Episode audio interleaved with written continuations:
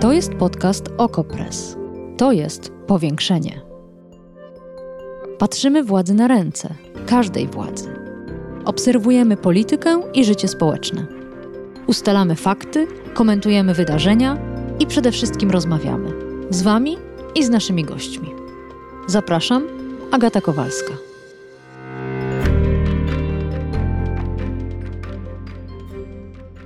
Trzydziestego lipca zmarł Dmitro Nikifiorenko, 2 sierpnia Łukasz Łągiewka, 6 sierpnia Bartosz Sokołowski.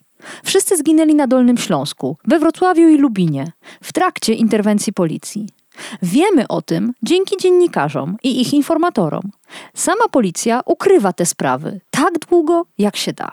Winni wydają się bezkarni, ich przełożeni nietykalni, a głosy nawołujące do reformy policji, do szkoleń, zdają się być zupełnie naiwne.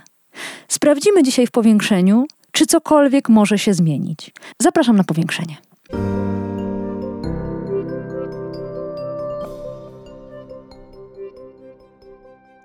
A naszym gościem jest dr Piotr Kładoczny, karnista z Uniwersytetu Warszawskiego i członek Helsińskiej Fundacji Praw Człowieka. Dzień dobry. Dzień dobry. W ciągu tygodnia na Dolnym Śląsku giną trzy osoby. Wszystkie w trakcie lub tuż po interwencji policji. A właściwie może powinnam powiedzieć, wiemy o trzech takich śmierciach.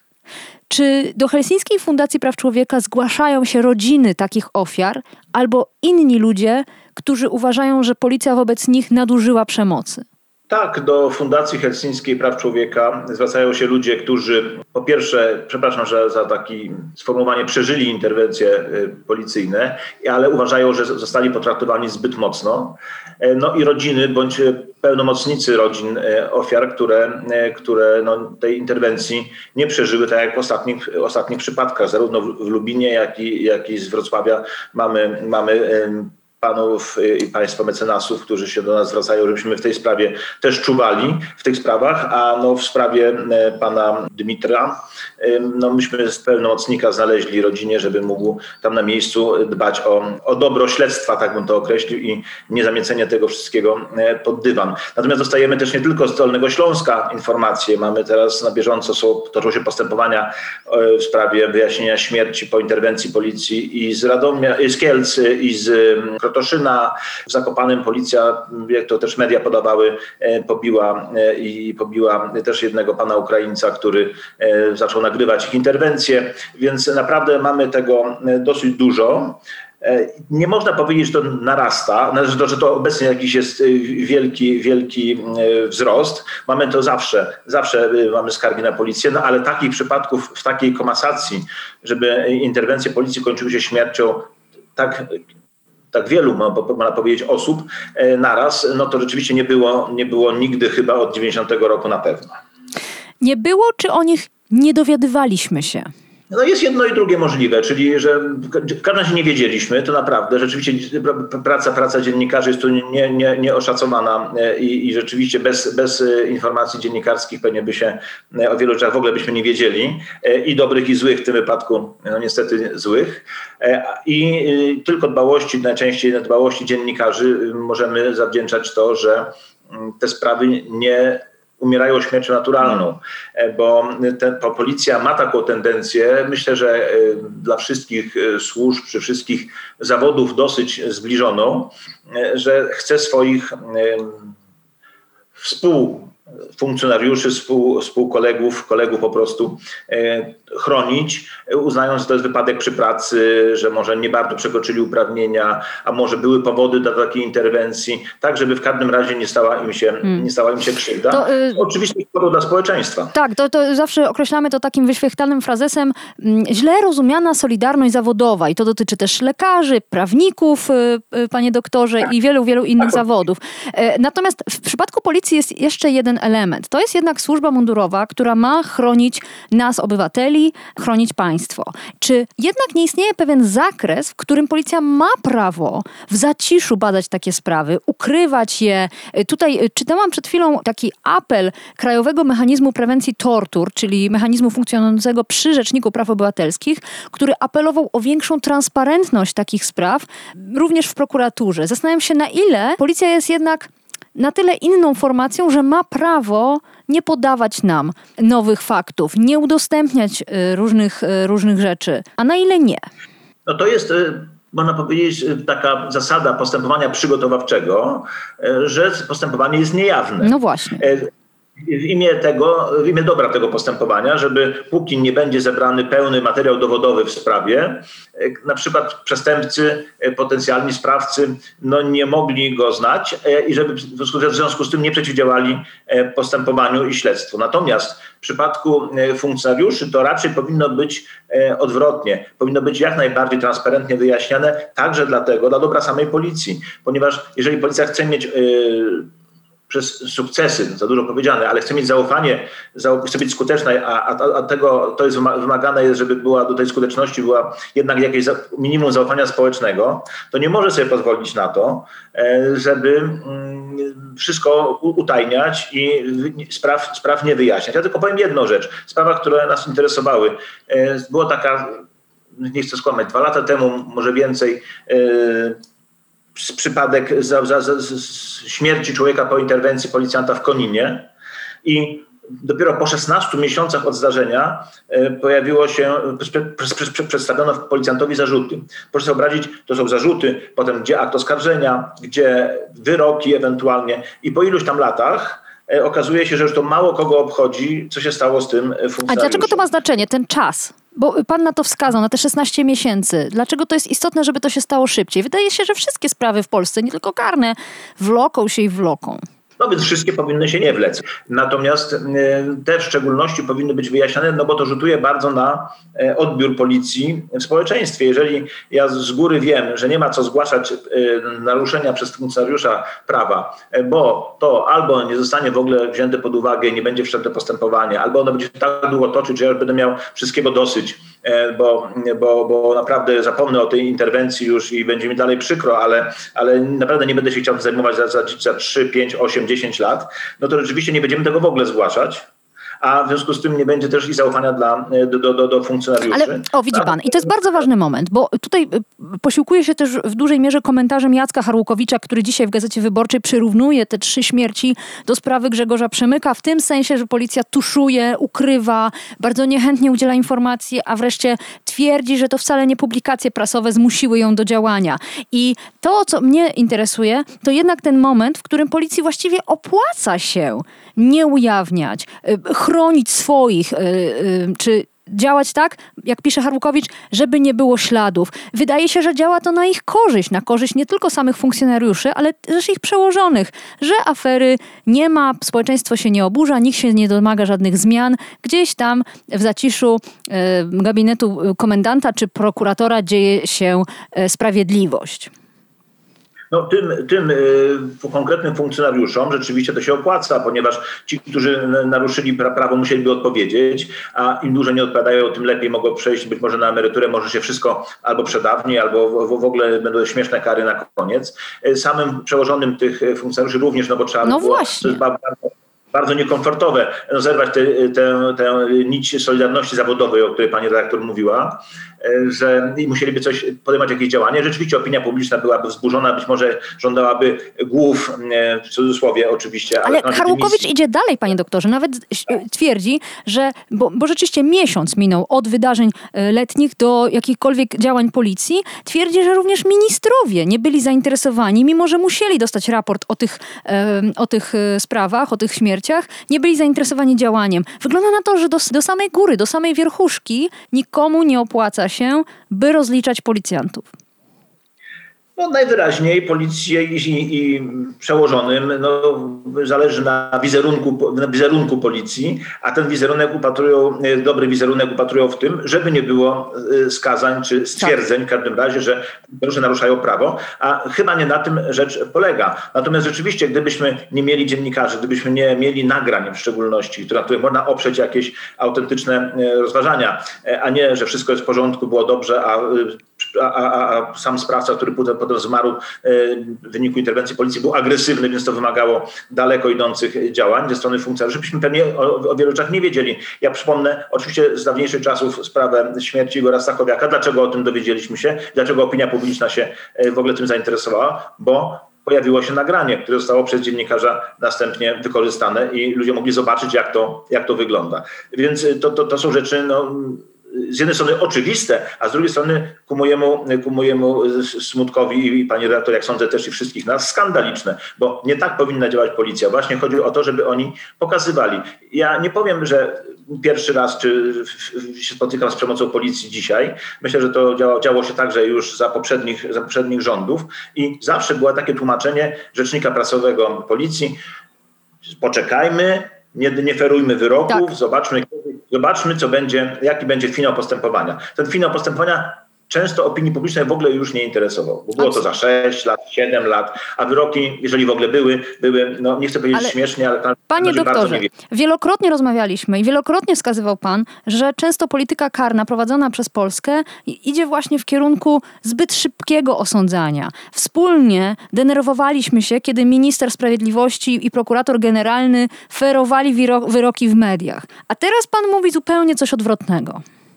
Ale ferowanie wyroków w mediach to jest zupełnie coś innego, bo e, tak naprawdę pan minister, czy prokurator generalny, czy któryś z jego zastępców e, tak naprawdę nie wie, co się stało i tylko mówi, co mu się wydaje, a to nie jest w ogóle wyrok. Natomiast byliśmy też przeciwni, z panią redaktor również, sądom 24-godzinnym. Też nie chodzi o to, żeby popadać ze skrajności w skrajność, bo sądy 24-godzinne raczej niewiele mogą e, wyjaśnić. Tu chodzi o rzetelne, szybkie postępowanie, najlepiej do tego transparentne, żeby z udziałem na przykład organizacji społecznych, e, być może z, z, również z udziałem oczywiście rodziny i pełnomocnika rodziny, tak żeby to było wszystko klarownie wyjaśnione i żeby funkcjonariusze, i to jest bardzo ważne, żeby funkcjonariusze wiedzieli, że jeżeli przekroczą uprawnienia, to spotka ich odpowiedzialność. No. A nie, że zostanie, staną wszyscy za nimi murem y, funkcjonariusze, powiedzą, nic się nie stało, właściwie działał zgodnie z prawem, to tamten drugi był agresywny. Pan powiedział, że y, jako Helsińska Fundacja Praw Człowieka obserwujecie jednak przybór spraw, które drastycznie się kończą śmiercią y, osoby, wobec której przeprowadzona jest interwencja. Czy próbujecie szukać przyczyn? Tak, jest tych spraw e, rzeczywiście więcej. Oprócz tych, które e, pani redaktor właśnie mówiła, to mamy te, te sprawy również z innych rejonów niż Dolny Śląsk. E, szukać, co ciekawe, szukać przyczyn, my też my, szuk, my szukamy przyczyn, ale szukają, szukali też policjanci. I muszę powiedzieć, że w 2015 roku w grudniu powstał taki dokument zamówiony przez chyba Komendę Główną tak, Policji. Tak, pisaliśmy o tym w Okopres, tak jest. No właśnie, wynikało jasno zalecenia. Ja podkreśliłem sobie jedno zdanie. Podczas interwencji bezwzględnie zakazane powinno być uciskanie szyi, klatki piersiowej, brzucha i pleców, a zdaje się, że z takimi, ale znowu ja zdaje się, bo nie chcę ferować wyroków, nim tego nie zrobi sąd, zdaje się, że z takimi metodami mieliśmy właśnie do czynienia To ostatnio. było przynajmniej widać na niektórych nagraniach, ale przywołuje pan ten raport z 2015 roku, gdy ja pytam o 2021, to jaka jest przyczyna przybywania spraw, w których dokładnie zachowują się policjanci odwrotnie niż zalecali lekarze i specjaliści. Ten raport no, nie został moim zdaniem przepracowany albo nawet upowszechniony wśród policjantów, to, to, to, to na pewno. Natomiast rzeczywiście jest, jakie są przyczyny? Przyczyny są bardzo e, różne i z różnych jakbym powiedział, półek. E, rzeczywiście można powiedzieć, najbardziej konkretną, e, konkretną przyczyną jest to, że nie stosuje się tych zaleceń, które wtedy zostały no, wypracowane, a niekoniecznie upowszechnione, czyli takiego bezpośredniego, bezpośredniego działania, sposoby bezpośredniego działania, jakie nie powinny być, jakie nie powinny być stosowane. Natomiast można powiedzieć o innej, innej, innej skali, czyli o innym, innej perspektywie. E, brak właściwych szkoleń, a właściwie nie tyle brak, co bardzo formalne i powiedziałbym zupełnie teoretyczne podejście do tych szkoleń, a nawet sami iluzoryczne szkolenia. I często zdarza się tak, że e, tak przynajmniej słyszę z różnych wypowiedzi, bo teraz też e, pytam różnych, różnych ludzi, którzy znają się na policji e, i obserwują jej, jej działania, że funkcjonariusze po prostu podpisują, że byli, byli przeszkoleni i to wszystko. I Jacek ile... Mazurczak, pytany przez nas ekspert Instytutu Bezpieczeństwa Społecznego, mówił, że owszem, poradników i podręczników dla policji jest mnóstwo i to nawet dobrych. Tyle tylko, że z ich wdrażaniem e, jest ogromny problem. Do komend trafiają najczęściej linki, które należałoby kliknąć. To jest czasem nawet pewnie rozsyłane wśród policjantów i to by było na tyle. Tak opowiadał o praktyce e, szkoleniowej. Ale no ja na początku naszej rozmowy nazwałam tego typu głosy, jak teraz ten, pana doktora, naiwnymi. Dlatego, że wydaje się, że mamy w tym momencie policjantów, którzy nie tylko nieudolnie zatrzymują osobę, ale wręcz ją torturują. Decydują się przestosować przemoc nadmierną, więc tutaj ten brak szkoleń nie jest wytłumaczeniem. Nie, absolutnie. Znaczy, y, w ogóle uważam, że szkolenia to są naj, najmniejszy problem, bo y, gdyby dobrze przeszkolić praktycznie tych funkcjonariuszy, to oni by pewnie wiedzieli, jak należy, jak należy to zrobić. Pytanie, czy mieliby powód, żeby stosować procedury trudniejsze do zastosowania niż te, które potrafią zastosować y, w sposób naj, najprostszy, czyli siłę. I teraz, jeżeli do tych szkoleń, które by były, doszłoby egzekwowanie o czym mówiliśmy przed chwileczką, egzekwowanie niestosowania się do reguł, to wtedy byśmy mogli mieć większy efekt również tych szkoleń samych ale również ten y, szkolenia, ja nie myślę tylko o prawach człowieka, y, szkoleń, szkoleń w zakresie praw człowieka, ale również szkoleń w zakresie technik, y, na przykład zatrzymywania tak, danego człowieka. Tak jest, prawda? tak jest. Tak jest. jest. Ja rozumiem, że można przyjąć, chociaż niechętnie to przyznaję, a właściwie nie przyznaję, ale rozumiem, że można tak przyjąć, że szkolenia z, zakresie, z zakresu praw człowieka to takie dla policjantów jest takie, powiedziałbym, ble, ble, ble, i nie wiadomo właściwie o co chodzi i tylko utrudniają, prawda? Ale w sytuacji, kiedy mielibyśmy jeżeli to samo by się działo na, na, na, na temat y, technik stosowania y, środków y, obezwładniających, no to już zaczynamy być w dużym kłopocie, bo jeżeli policjant nie opanuje w sposób właściwy technik zatrzymywania od najłagodniejszych do tych no, siłowych, również do użycia broni palnej, to on nie będzie potrafił tego zrobić. I ja muszę powiedzieć, obserwując proces e, Igora e, w sprawie, w sprawie śmierci Igora Stachowiaka, doszedłem do wniosku, chyba nie jeden, że po prostu funkcjonariusze tego nie umieją stosować chwytów odpowiednich, stosować chwytów, e, czy też chwytów tonfy, przy pomocy tonfy również. I, i właściwie używają swojej, swojej siły jako. Yy, Panie doktorze, ale ja chciałam nawiązać do tego, co wiemy e, z tych, e, z tych kolejnych przypadków. Między innymi wiemy, że policjanci są wtedy bardzo wulgarni że stosują przemoc również wobec świadków, próbują odbierać im telefony, którymi jest rejestrowana taka interwencja.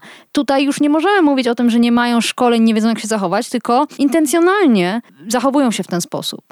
Tak, ja myślę, że y, to, to jest to, co pani redaktor powiedziała jeszcze ciutkę wcześniej, że y, no nie, być może nie mamy właściwej również albo opieki y, psychologicznej nad takimi nad funkcjonariuszami. Pamiętajmy, że ta praca nie jest łatwa i, nie jest, i, jest, i na pewno jest stresująca, ale taka będzie i wszyscy wiemy o tym, że taka praca będzie, więc trzeba po pierwsze dokonywać właściwego naboru funkcjonariuszy, to jest od tego zaczynając, żeby się nie, nie, nie, nie, każdego, kto się zgłosi, brać. Pewnie tak się nie dzieje, ale mamy w dalszym ciągu wakaty w policji. W związku z tym, y, no, nie, nie płacąc im zbyt wiele, nie możemy oczekiwać, że y, najlepsi ludzie się zgłoszą do służby policyjnej, do tak ciężkiej służby zresztą.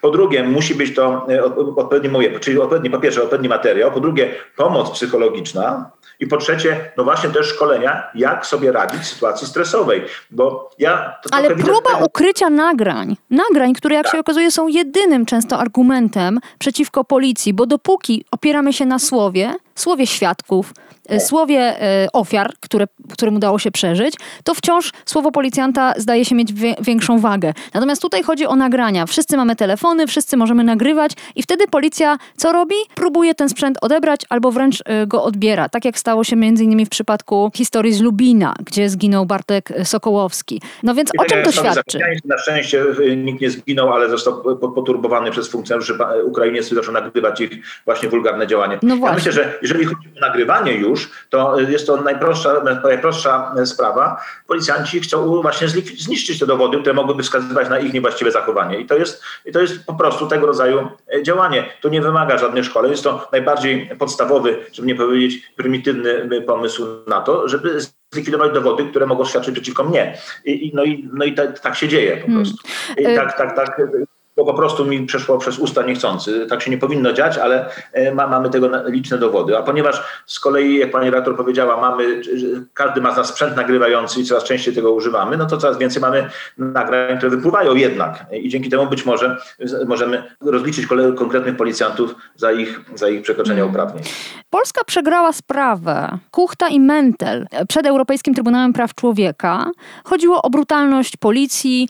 W trakcie zatrzymania dwóch mężczyzn zostało nie tylko swoim zdaniem, ale wedle Trybunału potraktowanych przemocowo, nadmiernie i na dodatek Polska nieodpowiednio badała tę sprawę. Europejski Trybunał Praw Człowieka wskazał, że powinna była porządnie sprawdzić, co tam się wydarzyło, a nie umarzać y, śledztwo i twierdzić, że po prostu to były zastosowane środki przymusu bezpośredniego w związku z zachowaniem tych y, mężczyzn. Polska często przegrywa sprawy przed Europejskim Trybunałem Praw Człowieka i nic się nie zmienia. Czy tak samo będzie teraz? No nie wiem, mam nadzieję, że nie. Ja muszę powiedzieć o jednym, o jednej kwestii. E, myśmy mieli całą grupę spraw e, dotyczących brutalności służb i przemocy, przede wszystkim policji. Mhm. Tak mała grupa dzwonkowski przeciwko Polsce. E, została ona, już nie pamiętam w tej chwili, ale w latach nastych XXI wieku uznana za wykonaną, ponieważ takich spraw okazało się, że jest mniej. Natomiast muszę powiedzieć, że jakimś takim właśnie jaskółką, czy dwoma jaskół, dwiema jaskółkami, które, które mi się wydawało, że może zaczynają jakieś zapowiadać wiosnę. W policji był właśnie ten raport o tych 16 przypadkach, o których Państwo pisali. 16 przypadkach osób, które zostały y, no, zmarły w wyniku interwencji. Tak, w ciągu dwóch lat, podkreślmy. 16 osób w ciągu dwóch lat. Tak, tak oraz, e, oraz e, taki był zamówiony przez policję e, zewnętrzny, zewnętrzna ekspertyza na temat agresji policji. Ona nawet została ujawniona, a potem troszeczkę zdjęto ją ze, ze strony chyba policyjnych, bo okazało się, że ta agresja policji, to był niezależny, niezależny chyba w 15 właśnie jeszcze roku, niezależny audytor, tak bym powiedział, i doszło i tam wynikało z tego, że no, nie jest dobrze. I zostało to zamiecione pod dywan i te, czyli jakby diagnozę mamy niestety. E, I myślę, że od tej pory się niewiele zmieniło na dobre, a e, atmosfera ogólna, bym powiedział, w państwie zmieniła się na, e, na niekorzyść. Mam tu na myśli dwie kwestie po pierwsze. Po, po, po pierwsze, w ogóle brak, dalszy brak w Polsce, ten szacunek dla procedur w ogóle nie był nigdy wysoko lokowany, ale brak w ogóle jakichkolwiek w tej chwili szacunku dla procedur, bo najważniejszy jest efekt. E, czyli szybko złapać szybko zadziałać i szybko e, wskazać winnego i wtedy prokurator generalny bądź jego zastępca może wystąpić w telewizji i powiedzieć, złapaliśmy, tak? Nikt nie patrzy w jaki sposób, ile, jakie były straty, jakimi środkami. To jest najważniejsze, więc nie przejmujmy się procedurami, będzie dobrze. Widzimy, jakie to przynosi efekty, jak się procedur nie przestrzega. I druga kwestia, antagonizowanie jednak y, faktyczne czy celowe, tego nie wiem, policji y, i społeczeństwa, y, chociażby w ostatnich czy cały czas istniejących demonstracjach, kiedy z jednej strony ludzie wychodzili na ulicę, no, wydawało się im, że słusznie demonstrując, a policjanci no, z, działając z ramienia, oczywiście z ramienia MSW i A, no, pacyfikowali te te, te, te, te, te, te, te, te demonstracje, czasami, a nawet może i często, również przekraczając swoje uprawnienia. I zaufanie do policji spadło, a też policjanci wiedzą, że mają przeciwko sobie ludzi sobie często niechętnych.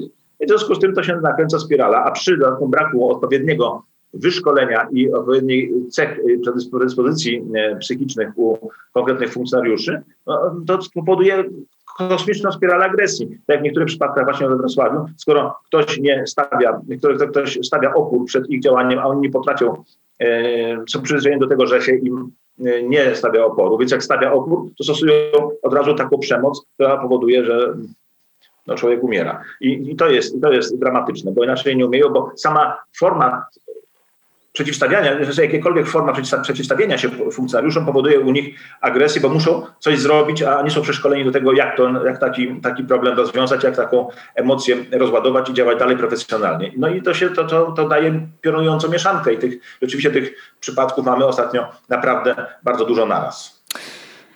Na policję zadzwonił ojciec Łukasza Łągiewki, dlatego że chłopak był w depresji, groził, że odbierze sobie życie. Czy Znając już dalszy ciąg tej historii, to, że po interwencji policji Łukasz Łągiewka zmarł, powinniśmy bać się dzwonić po pomoc? No, mam kłopot z odpowiedzią na to pytanie, bo nawet zastanawiałem się ostatnio prywatnie, czy rzeczywiście takiej sytuacji, gdybym miał, to dzwoniłbym byłem po policję.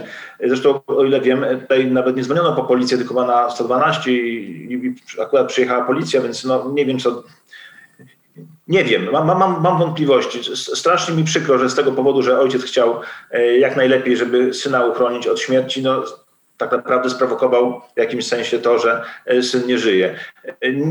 Może lepiej dzwonić po pogotowie, no nie wiem, czy, czy albo dawać sobie sprawę, sobie radę samemu, bo naprawdę po ostatnich zdarzeniach i spiętrzeniu tych, tych, tych smutnych zdarzeń, mam obawy, czy w sprawach, w których się nie dzieje nikomu krzywda, nie ma bezpośredniego zagrożenia dla innych osób, rzeczywiście policja jest tutaj potrzebna i czy no, i interwencja nie spowoduje więcej, więcej nieszczęścia niż brak tej interwencji. Także trudno mi powiedzieć na, e, i odpowiadać za każdy przypadek e, i radzić w każdym przypadku, e, jak, jak, czy rodzicowi, czy małżonkowi, czy, czy, czy, czy komukolwiek, ale mm, no, ostatnie, ostatnie wyczyny funkcjonariuszy nie, nie, nie, nie sprzyjają wzrostowi zaufania i chęci sprowadzania ich na pomoc. A tak właśnie być powinno, że chcemy od policji pomocy, a nie agresywnego działania. Doktor Piotr Kładoczny, kornista z Uniwersytetu Warszawskiego, członek Helsińskiej Fundacji Praw Człowieka, bardzo dziękuję za rozmowę. Powiększenie. Podcast Okopres. Prowadzenie Agata Kowalska. Podcast znajdziesz na stronie Okopres i w Twojej ulubionej aplikacji do podcastów. Redakcja Okopres działa od 2016 roku. Jesteśmy obywatelskim narzędziem kontroli władzy, obecnej i każdej następnej. Okopres utrzymuje się z Waszych darowizn. Wesprzyj nas, byśmy mogli działać dalej.